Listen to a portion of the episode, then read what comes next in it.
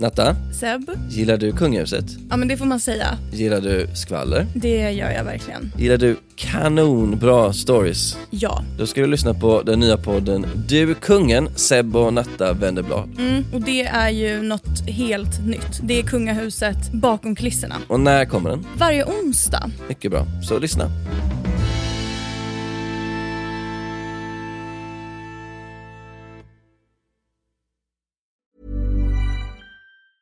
Life is full of awesome what ifs, and some not so much, like unexpected medical costs. That's why United Healthcare provides Health Protector Guard fixed indemnity insurance plans to supplement your primary plan and help manage out of pocket costs. Learn more at uh1.com.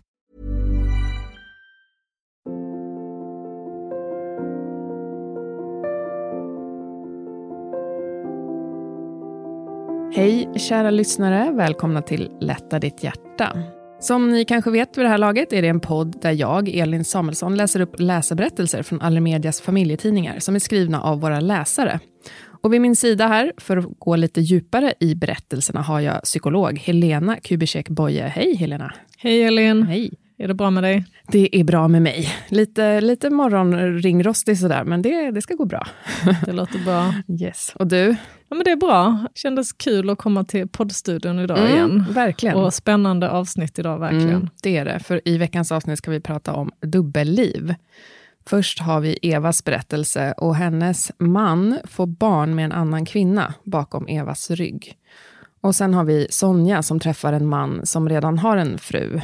Eh, vad säger du Helena, det här är sånt som man ser i filmer och hör liksom lite rykten om och sådär, men inte riktigt tror att det är sant. Men det händer faktiskt i verkligheten. Ja, det gör det. Och jag har haft eh, patienter som till exempel har varit det barnet som har vuxit upp eh, vid sidan av eh, sin pappas riktiga familj. Mm. Hur det präglar en. Och jag har även haft både kvinnor och män som både har levt i dubbelliv eller varit utsatt för dubbelliv. Mm. Eh, och sen har jag också såklart i mitt privata nätverk eh, hört att folk har stött på det här. Mm. Så det är ju faktiskt inte ovanligt, även om vi tycker när vi hör sådana här berättelser att det låter ju väldigt komplicerat och märkligt, så, Ja. så händer det. Mm. Vi lyssnar på den första berättelsen här, eh, som kommer från Eva. Jag ska säga att berättelserna är anonyma och namnen här har bytts ut. Jesper och jag hade glidit ifrån varann efter att vår första flicka Asta kommit till världen. Men det hände ju ganska många par och var inte alarmerande för mig. Vi var dessutom överens om att skaffa ett andra barn när Asta var tre år, vilket bekräftade att familjen var viktig för Jesper. Jag blev snabbt gravid och under graviditeten kändes det som om vi kom närmare varandra. Jesper gav mig blommor, han lagade mina favoriträtter och masserade mina fötter. Detta trots att han arbetade mycket och kom hem sent. Vi hade det bra och när Alma kom till världen mitt i sommaren var jag så lycklig som jag kunde bli. Månaderna gick, Alma mådde bra och jag trivdes med min mammaledighet. Men Jesper var konstig. Han var frånvarande och när jag påpekade det tog han sig samman och blev närvarande, men på ett tillgjort sätt. Ofta satt han och stirrade rakt ut i luften och jag började fundera på om han hade fått en depression. Jag försökte prata med honom, men istället för att berätta vad som var fel drog han sig undan. Han gick till gymmet eller till lekplatsen med Asta och så fortsatte det ytterligare ett par månader tills han samlat mod nog att berätta sanningen. Asta var på förskolan, Alma sov i sin vagn och jag packade skötväskan för att gå en promenad när Jesper körde in på uppfarten. Han borde vara på jobbet och jag tänkte att han kanske hade glömt något, men jag kunde se på hans min att det handlade om något helt annat. Han kom in och sa att vi måste prata och satte sig på en stol i köket. Så kom det. Han hade haft ett förhållande med en annan kvinna, men det hade tagit slut för mer än ett år sedan. Kvinnan hette Charlotte och han hade träffat henne på en kurs tre år tidigare. Hon bodde i en stad nära oss. Hon var singel och trots att de skyddat sig hade hon blivit gravid. Ett år innan jag blev gravid med Alma. Jesper hade blivit förtvivlad när han fick veta det, men Charlotte som hett önskat sig ett barn beslöt sig för att behålla det. Deras gemensamma barn, en pojke vid namn Emil, var ett och ett halvt år gammal. Jesper hade beslutat sig för att stötta Charlotte under graviditeten och hennes första tid som mamma. Men det dåliga samvetet över dubbellivet hade slutligen satt stopp för deras affär. Nu ville Charlotte förstås att Jesper öppet kunde vara far till hennes barn och därför var det dags för mig att få veta sanningen. Det kändes som om jag var med i en väldigt dålig film. Min man hade varit otrogen sedan Asta var ett år och han hade en son med sin älskarinna. När vi började prata om att skaffa ytterligare ett barn hade Charlotte precis fått Emil. Jesper kunde inte förklara varför han låtit det gå så långt och varför han inte hade berättat för mig tidigare. Men han var beredd att göra allt för att hålla ihop familjen. Han skulle avsäga sig all kontakt med Charlotte och Emil om det var vad som behövdes för att jag inte skulle gå ifrån honom. Jag visste förstås inte vad jag skulle säga i det läget. Jag kunde inte lova honom någonting. Det han berättade var så överväldigande att jag var tvungen att tänka igenom det noga.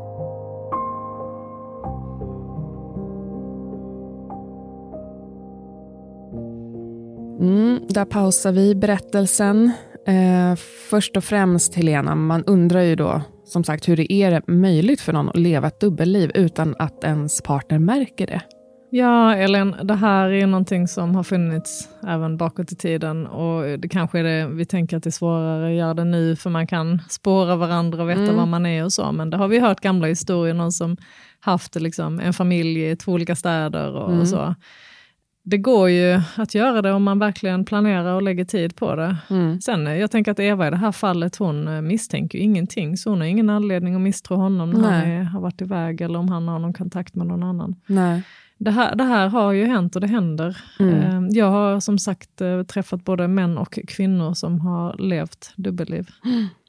Vissa har ju, det finns ju sådär på mobilen, man kan hålla koll på familjen. Jag har det på mina barn, ja. av rent trygghet, säkerhetstänk, ja. så när de är ute. Ja. Och, eh, men jag vet ju, när man stött på personer som har misstänkt otrohet och så, så kan man ju bli misstänksam och börja undersöka vad, jag vet en väninna, hon kollade liksom mätarställningen på bilen. Han mm -hmm. sa, jag har varit hemma hela helgen, men då var det liksom 20 mil körda.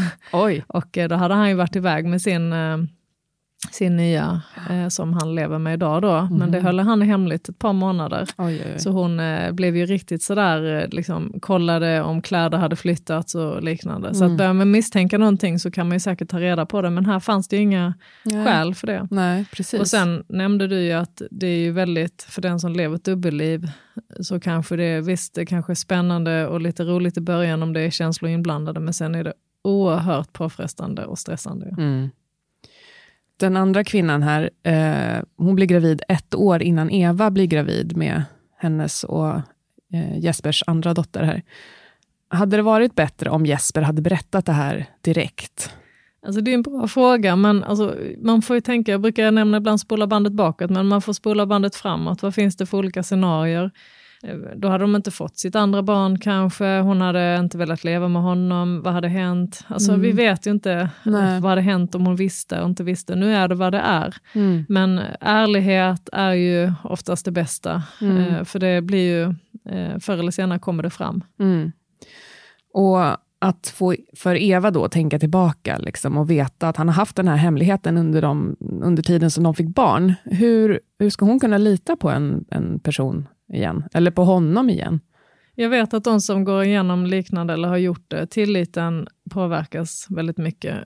Och mm. just att det har varit någon som har stått en så nära, som har varit en annan person eller levt ett annat liv. Mm. Väljer man att fortsätta ihop så är det ett stort jobb att göra. Mm. Vi ser inte riktigt här uh, hur, det går ännu och hur de mm. gör, men de jag har träffat har ju fått, liksom, dels så kan det bli att mannen då plötsligt hamnar i ett underläge, eller den som har levt ett dubbelliv och hela tiden ska försöka kompensera, mm. bevisa. Alltså det kan nästan bli för mycket också, att vara totalt transparent och eh, kontrollen av den personen kan bli så stark att det blir jobbigt. Mm. Så det är på något sätt, hur ska man hitta ett normaliserat förhållningssätt om man nu väljer att gå vidare ihop? Mm. Och, men den här personen som har svikit tilliten behöver ju på något sätt vinna tillbaks den. Mm.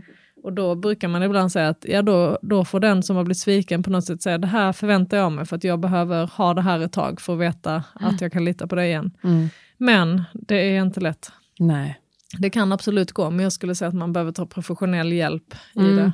För att eh, mm. annars är det risken att det blir mycket bitterhet, eh, risken för misstänksamhet, kontrollbehov och så. Mm. Och det måste liksom alltid ligga som en mörk skugga i bakgrunden resten av förhållandet, om man väljer att stanna. Jag tänker mig att det är så, och, och sen så att eh, det kan också bli det omvända, att man väljer att stanna kvar, men känslorna eh, stängs av, för att man på mm. något sätt känner en distans till den här personen som har gjort så. Mm. Så ja, vi får se hur det går för de här. Men Mm. det, det är ett svårt, stort jobb. Sen kan det vara att man väljer att göra det jobbet för man har barn ihop, man tror ändå att det här är vi och man Mm. kan förstå varför den andra hade gjort det. Ja. Mm, precis.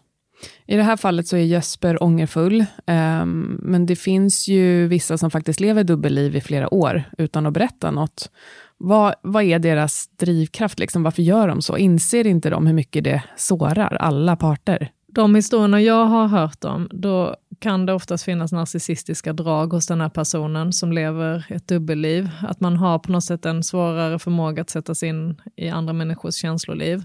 Empatin, att förstå att vänta, gör jag så här så lurar jag någon annan, eller gör jag så här så sårar jag någon annan. Eh, På något sätt så är man lite grandios och tänker att jag fixar det här, jag kan rodda två olika kvinnors liv eller två olika män. Mm. Så drivkraften, jag måste säga att det måste ju vara egot bara. Mm. Samtidigt så är det ju någon typ av konflikträdsla också. Att inte våga liksom visa eh, ärligt vem man är och vad man står för. Mm. Så, och den konflikträdslan, narcissisten vill ju inte bli avslöjad, vill ju inte bli petad från sin tron, Nej. om man säger så. Så eh, konflikträdslan kanske är att rädda att själv bli övergiven och sårad då. Mm. Då kan det vara att man till och med har två relationer för att vara på det säkra. Safea upp. Safea upp. Så att man har ju tittat på de här eh, många fall och kvinnor som har berättat om liknande män som har haft många kvinnor vid sidan av utan att veta så är det ju oftast narcissistiska drag som vi Okej. kallar det. Mm. Eh, avsaknad av känslomässig anknytning, man eh, söker spänning, man eh, ja, kan, kan leva med sig själv att eh, så här gör jag och här då finns det ju oftast ingen ånger Nej. och känslorna kommer bara när man blir avslöjad. För då blir man ju som ett litet barn och gråter för då tycker man ju plötsligt synd om sig själv. Gud. Så i det här fallet, Evas man här, han är ju ångerfull, det här verkar inte ligga i hans personlighet och då finns det ju Nej. bättre förutsättningar tänker jag att lösa det. Ja, okej. Men jag tror att de, inte, de som gör det här liksom patologiskt som vi säger, liksom, som alltid lever ett dubbelliv mer eller mindre på något sätt, har hemliga relationer vid sidan av och sånt. Jag tror inte de har förmågan till den empatin som normalt sett skulle hindra en. Nej. Och så är de så pass bra skådespelare, man ska säga, så att de liksom kan visa jättemycket kärlek liksom, till sina Ja. dubbla partners. Då. Och bara Alltså, kunna, ja precis, och bara att kunna ljuga någon helt och säga så jag ska iväg på en jobbresa men istället åker man iväg med den andra eller bor hos den andra. Och, Mm.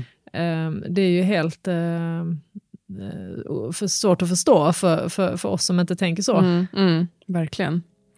Ja, innan vi bröt här så sa Jesper att han var beredd att göra allt för familjen och Eva står inför ett tufft beslut, så vi lyssnar vidare.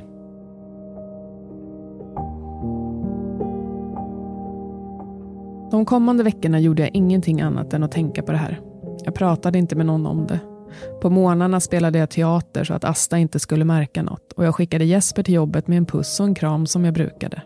Jag gick gata upp och gata ner med barnvagnen och tankarna snurrade. Det var den värsta perioden i mitt liv. Jag föreställde mig hur vårt liv skulle bli om vi inte längre var en familj och sen försökte jag föreställa mig motsatsen. Allt eftersom tiden gick var det det sistnämnda som kändes viktigast. Jag älskade min familj och ville inte splittra den. Nu var jag tvungen att fundera på vad som behövdes för att vi skulle komma igenom krisen. Jag var helt säker på att jag ville att Jesper skulle ta ansvar för sin son. Emil var oskyldig. Han skulle inte straffas för att hans pappa varit otrogen. Om vårt äktenskap skulle ha en chans att överleva var vi tvungna att erkänna att Emil var Jespers son. Och då krävdes det att alla runt om oss fick veta sanningen, även våra döttrar. Jag berättade för Jesper vad jag kommit fram till och han gick med på allt, tacksam över min ambition att hålla ihop familjen. Tiden fick utvisa om vi skulle lyckas rädda vårt äktenskap, men jag ville försöka. Det handlade inte bara om mig, utan även om tre barn som förtjänade att de vuxna tog sig i kragen. Jag berättade allt för mina väninnor och de tog det bättre än vad jag vågat hoppats på. Först blev de rasande å mina vägnar, men när de förstod att jag var inställd på familjen så respekterade de mitt beslut. Jag kunde räkna med dem och det var en stor tröst för mig. Det var svårare för mina föräldrar. Jag är ensam barn och mamma och pappa har alltid varit beskyddande, även efter att jag blivit vuxen. För dem var det jättestort och i synnerhet mamma hade problem med Jespers otrohet. Hon vägrade att vara i samma rum som honom och hon gjorde det på sätt och vis för min skull. Men det gagnade ju inte mig. Hon upprepade hela tiden att jag förtjänade bättre och det var säkert välment. Men jag hade ju tagit ett beslut och om hon nu ville hjälpa mig så var detta inte ett bra sätt. Därför sa jag till min mamma att jag ville att hon skulle respektera mitt val och lite senare sa jag samma sak till pappa. Jag behövde deras stöd helt enkelt och från den dagen blev det bättre. Utåt såg jag säkert mer samlad ut än vad jag var och jag hade inte lovat Jesper mer än att jag ville ge oss en chans. Flera gånger hade jag lust att bara ge mig iväg, särskilt när jag skulle träffa Emils mamma Charlotte första gången. Det var väldigt märkligt att stå mitt emot kvinnan som min man hade haft en affär med och som han hade ett barn med. Hon var inte som jag hade tänkt mig. Hon var liten och generad och även hon minst sagt obekväm i situationen. Det var jobbigt för henne att träffa mig. Men efter ett tag kunde vi faktiskt prata om Emil och framtiden. Precis som Jesper var hon inställd på att gå med på vad jag än föreslog. Jag var mamma till Emils halvsyskon och hon ville förstås, liksom jag, att de skulle få växa upp i fred och ro. Det är ju inte möjligt att tycka illa om ett barn. Emil var helt omedveten om vad som för sig gick runt honom. Asta älskade honom från första stund. Hon ställde inga frågor om varifrån han kom. Hon var för liten för det. Istället slog hon vakt om både honom och Alma och gav dem massor av pussar och mjukisdjur. En dag insåg jag att jag älskade Emil lika mycket som mina egna barn och det har jag gjort sedan dess. Så småningom blev det vardag igen, även om mycket hade förändrats.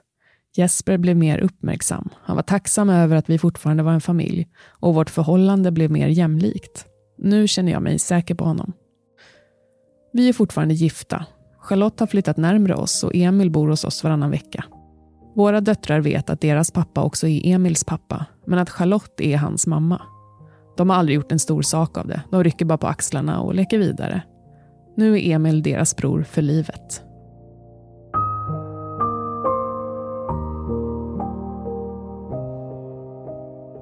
Ja, det är ju väldigt stort av henne att komma fram till det beslut hon gör, tycker jag, och hålla ihop familjen här. Hon skriver att det inte minst handlar om barnen och det känns ju lite som att de är kittet i det här beslutet, liksom. anledningen till att Eva valde att göra som hon gjorde. Det låter ju så att de har tänkt att uh, hur ska det här bli bra för barnen? Mm. Nu är ju barnen små mm. uh, än så länge och de ställer inte så mycket frågor. Men mm. det kommer de att göra när de blir äldre. Just det. Då kan ju hon, Eva, få frågor av sina barn. Hur kunde du eller bli, tänka mm. vad har pappa gjort och hur blev det här? Liksom. Mm. Mm. En del väljer ju att inte slå ihop det så här, utan att då hade Charlotte fått mm. ta hand om sin son och där och sen så barnen där. Och sen sånt här har ju kommit fram sen när, när, när folk eh, går bort. Mm. Oh, du har ett syskon någonstans. Det. det. är ja, inte ovanligt. Nej, precis. Att man väljer att inte slå ihop det så som de ändå eh, försöker göra. Mm. Men tror du att det är bra för barnen att de får den här eh, barndomen ihop och liksom lära känna varandra så? Eller? Alltså hade de inte fått det så hade de inte vetat det heller. Nej, alltså, de, de har, men um, Mm. Så jag vet inte riktigt. Det, det, är inte en enkel situation utifrån hur vårt samhälle ser ut med kärnfamiljstruktur och mm. parförhållande och trohet och, och så. Ju. Mm. Uh, lever man i mer sådana här uh, polygama samhällen eller liksom, tittar man på ursprungskultur eller vad som helst så hade man ju säkert inte ifrågasatt detta utan där är det lite så. Barnen är våra gemensamma och vi har, mm, men vi, vi har ju ganska mycket liksom Eh, etiska eh, förhållningsregler som vi tycker ska styra. Så. Nej, mm. ja, ja, det är svårt. Mm. Eh, barnen de vet ju ingenting, de hade lika väl kunnat vara utan varandra. Mm, ja. Men det kunde ha kommit fram senare i deras liv också. Det är det då det kommer de... göra, ja. ja. och då exakt. hade de ställt massa frågor. Sånt. Ja. Så här tycker jag att de försöker vara ärliga och öppna och göra det bästa av det. Och mm. De kommer ju ha förklaringsmodeller som håller sen mm. eh, kring sina beslut. Så att, mm. ja det blir vad det blir och så här blir det så. Mm. Eh, och Eva, det är ju stort av henne att eh, ta de här stegen. Mm. Jag tänker också att när hon träffar Charlotte så hade hon kanske i huvudet en annan bild mm. av den här kvinnan och det blir lite avdramatiserat mm. allting och hon ser att det här är bara en människa också. Precis, Precis som jag. Mm. Vi är alla liksom på något sätt offer i det här. Ja, ja, Hur verkligen. kan vi göra det bra? Mm. Life is full of what ifs. Some awesome. Like what if AI could fold your laundry? And some, well, less awesome. Like what if you have unexpected medical costs? United Healthcare can help get you covered with Health Protector Guard fixed indemnity insurance plans. They supplement your primary plan to help you manage out of pocket costs. No deductibles, no enrollment periods, and especially no more what ifs. Visit uh1.com to find the Health Protector Guard plan for you. Many of us have those stubborn pounds that seem impossible to lose, no matter how good we eat or how hard we work out. My solution is PlushCare. PlushCare is a leading telehealth provider with doctors who are there for you day and night to partner with you in your weight loss journey. They can prescribe FDA-approved weight loss medications like Wagovi and Zepbound for those who qualify. Plus, they accept most insurance plans. To get started, visit plushcare.com slash weight loss. That's plushcare.com slash weight loss. Men Evas mamma, hon vägrar vara i samma rum som Jesper. Det är kanske svårt för utomstående eh, att acceptera den som har svikit någon som man älskar. Hur bör man reagera då? Liksom? Ska man acceptera det här beslutet och stötta dottern till 100%? Mamman, hon, hon har ju lite svårt för det. Det är svårt och det här har jag sett i många andra situationer. Det kan vara att man inte vill acceptera det nya, eller ens barns partner av olika skäl. Mm. Jag vet några som, där han drog sig ur bröllopet precis innan, för han kände sig inte redo. Han ville fortsätta vara ihop med henne, men drog sig ur bröllopet och då Mhm. blev ju hennes släkt gick emot honom helt. Men Mhm. hennes val var att hon ville vara kvar med honom. Mm. Men det var att han kände sig, han var inte redo för hela Mm. Processen med ett giftermål. Och de lever ihop än idag, men det har Mm. tagit flera år för hennes familj då att våga lita på honom igen, att han inte ska dra sig ur. De gifte sig sen igen då. Oj, oj, Eller de oj. gifte sig till Ja, slut. ja. Så det här kommer nog ta tid, för på Mm. något sätt behöver han vinna tillbaka förtroendet för, för hennes mamma. Precis. Ja. Sen hamnar Eva här i kläm, men det är möjligt att mamman ändå tänker att ja, du har valt att acceptera det, men jag visar ändå här genom mitt beteende att det är inte Mm. okej, så han får hålla sig på mattan lite. ja. Jag skulle kunna tänka mig att jag hade varit lite så med mina döttrar också, Mm. haft ett litet vakande öga för att eh, så här gör du inte mot min dotter. Nej, nej. Men väljer ändå att acceptera och kunna vara med på det som behövs. Liksom. Mm, mm. Men det viktiga är egentligen att hon stöttar sin dotter, så Mm. att det kommer säkert komma över tid. Och även om dottern tar fel beslut, om det skulle visa sig liksom att de senare gör slut och mamman blir lite så här, vad var det jag sa? Så är det ju liksom värt att ändå bara stötta, liksom, hur utfallet än blir. Precis, hon tar ett beslut om sitt liv och Ja. vad hon tänker det bästa. Så Mm. det får hon utgå ifrån. Ja. Mm. Och så, mm, som du sa här, ena Eva träffar Charlotte. Hon är inte som hon har tänkt sig. Hon är liksom generad, obekväm och så. Det, men kan det hjälpa i en sån här process att träffa den andra kvinnan? Det beror nog på hur man träffar den inom citat. För att jag vet ju de som nästan blir som stalkers på gamla eller nya eller parallella partners. Mm. Liksom, och man söker massa. Hade hon till exempel, nu träffar hon en, en människa på ett ganska neutralt sätt och det här blir ju bra. De kommunicerar, båda vet vad det handlar om. Men Mm. det har ju också, det har säkert du också så här privat, man vet någon som ja, men spa, håller på och söker på och tar Mm. reda på fakta och söker liksom, där det blir mer liksom en falsk bild som kan Mm. bildas. Och, eh, så att, att träffa, då ska det vara på ett sånt här öppet, Mm. naturligt sätt, men inte hålla på med massa stalking och intrigering. Och då tror jag att det blir Mm. rätt toxiskt. Alltså så. Ja, det är klart. Mm. Så nej, men det kan väl vara jättebra att eh, inse att okej, vi har ett problem här. Mm. Vi lägger det problemet på bordet. Mm. Hur kan vi lösa det här? Mm. Vi är alla inblandade i det. Mm. Och vara vuxna människor. Liksom. Det är Mm. det det handlar om ju, att verkligen lyfta sig här från, från känslor av, eh, ja, där man egentligen vill kanske bara var arg och svartsjuk och gräva ner sig i ganska tradiga känslor så lyckas ju Eva här verkligen lyfta sig. Mm. Verkligen. Ja, och vi lyssnar till en till berättelse på samma tema här som kommer från Sonja. Hon har skrivit eh, som ett brev ungefär till den man som hon hade ett förhållande med, som, som nu har gått bort.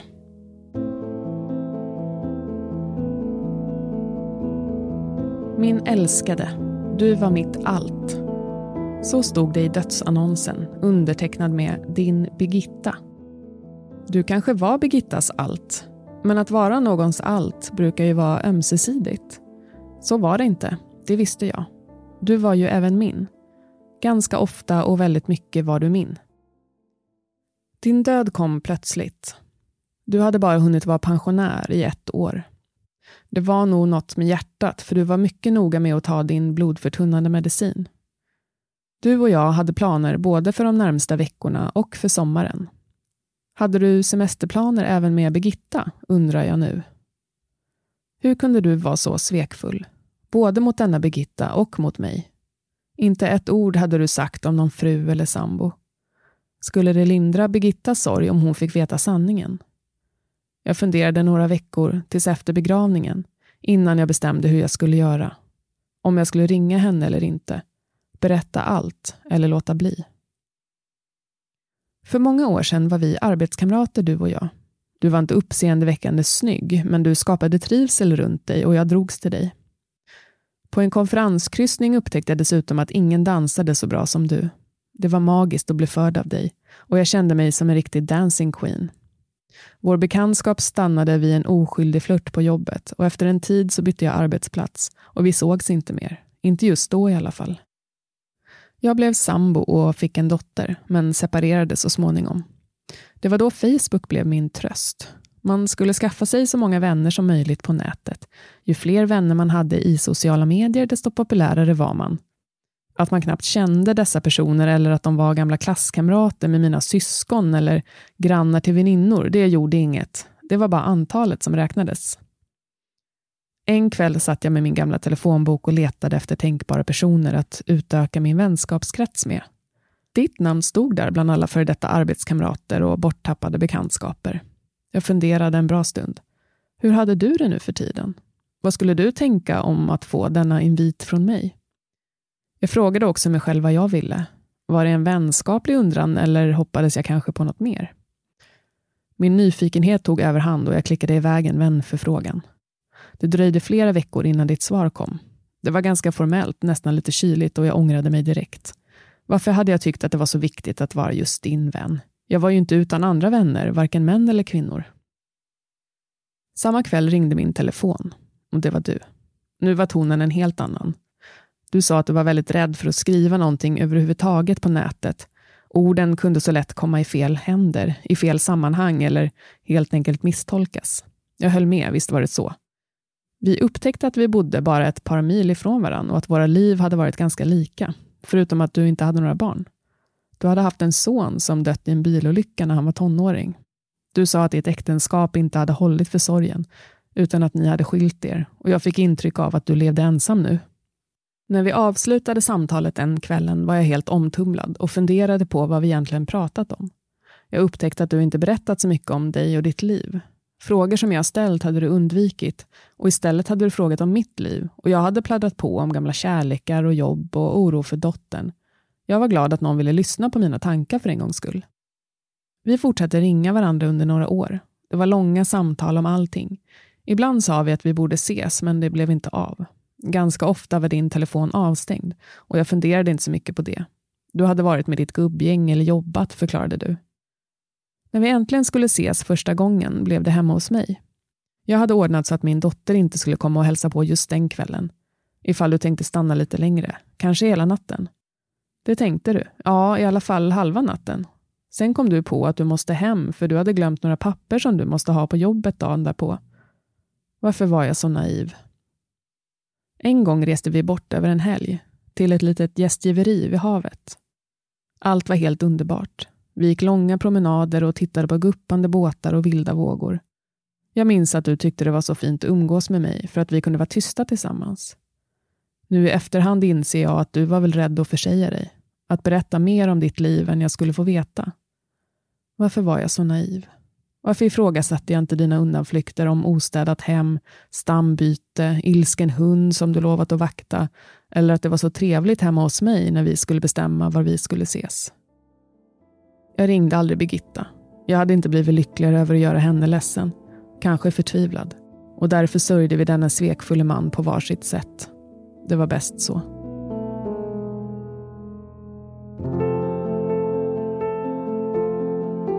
Mm. Här hör vi en berättelse från den andra kvinnan inom citationstecken. Man glömmer kanske lätt att även hon är ett offer om hon nu inte vet om att mannen redan har en fru. Som vi sa i förra berättelsen så är ju alla offer mm. i det här på något sätt. Även han, eller den här dubbellivsmänniskan, är ju ett offer för sina egna liksom, idéer och, och mm. lustar och lögner. Mm. Sen betyder inte det att man behöver tycka synd om dem, men eh, det är ju liksom, ja, eh, hon här eh, mår ju inte alls bra i den här situationen. Ju. Mm. Hon lever på hoppet och, mm. och sen, eh, vilken chock. Verkligen. Hon, Sonja här frågar sig hur hon kunde vara så naiv. Mannen pratar inte så mycket om sig själv och han ville inte att de skulle träffas hemma hos honom och så vidare.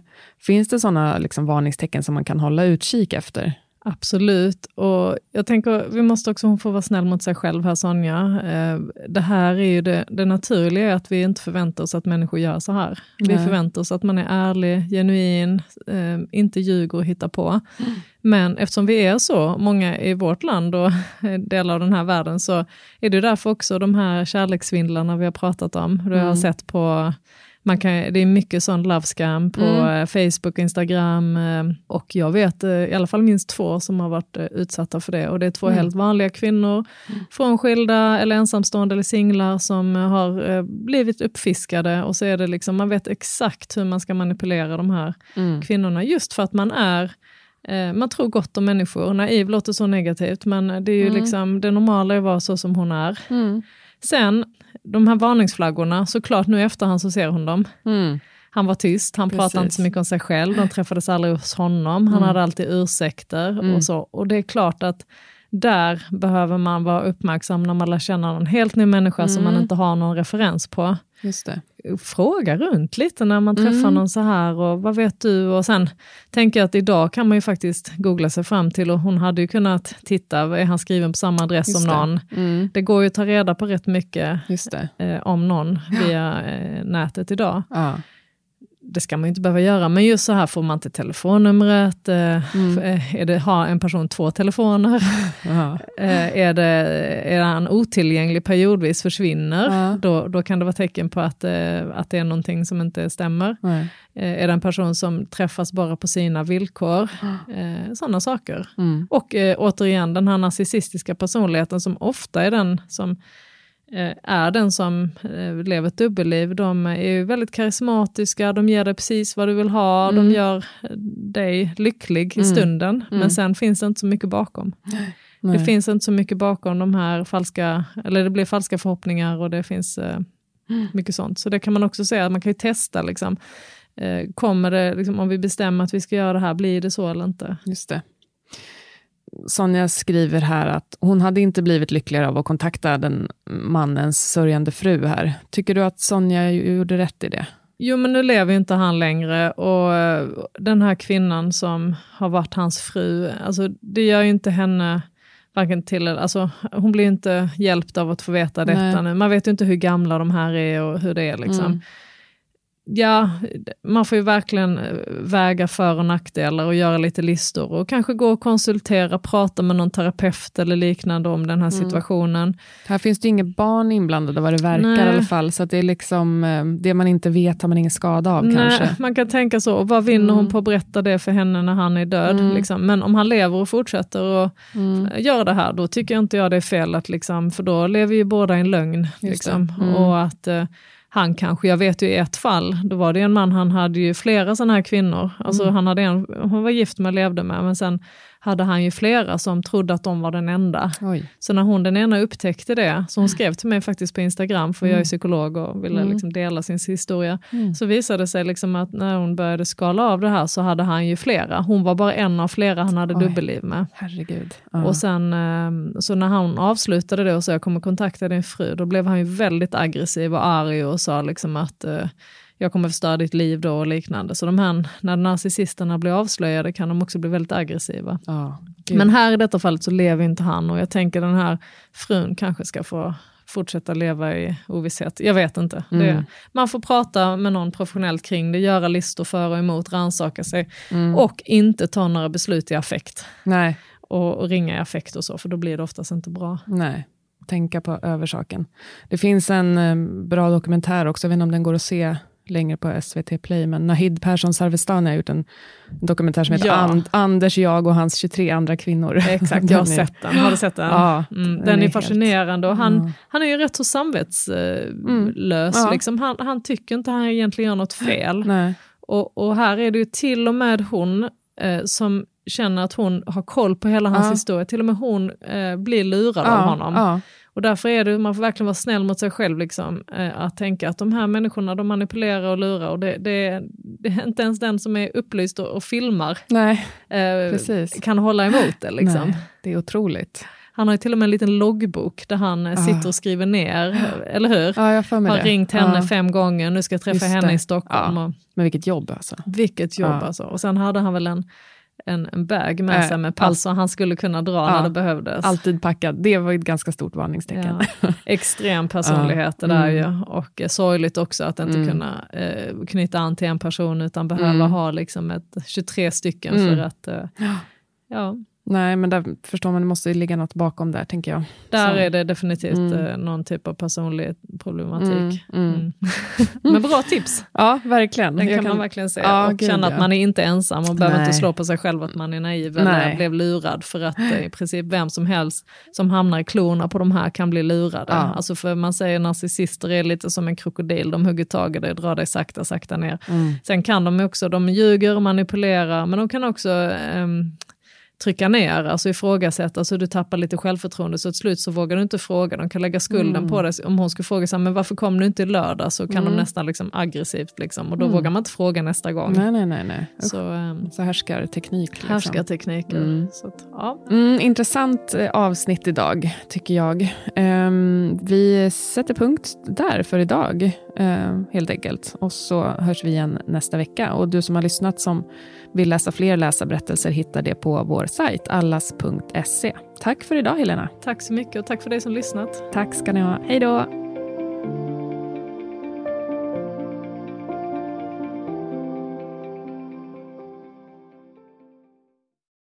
En podd från Allermedia.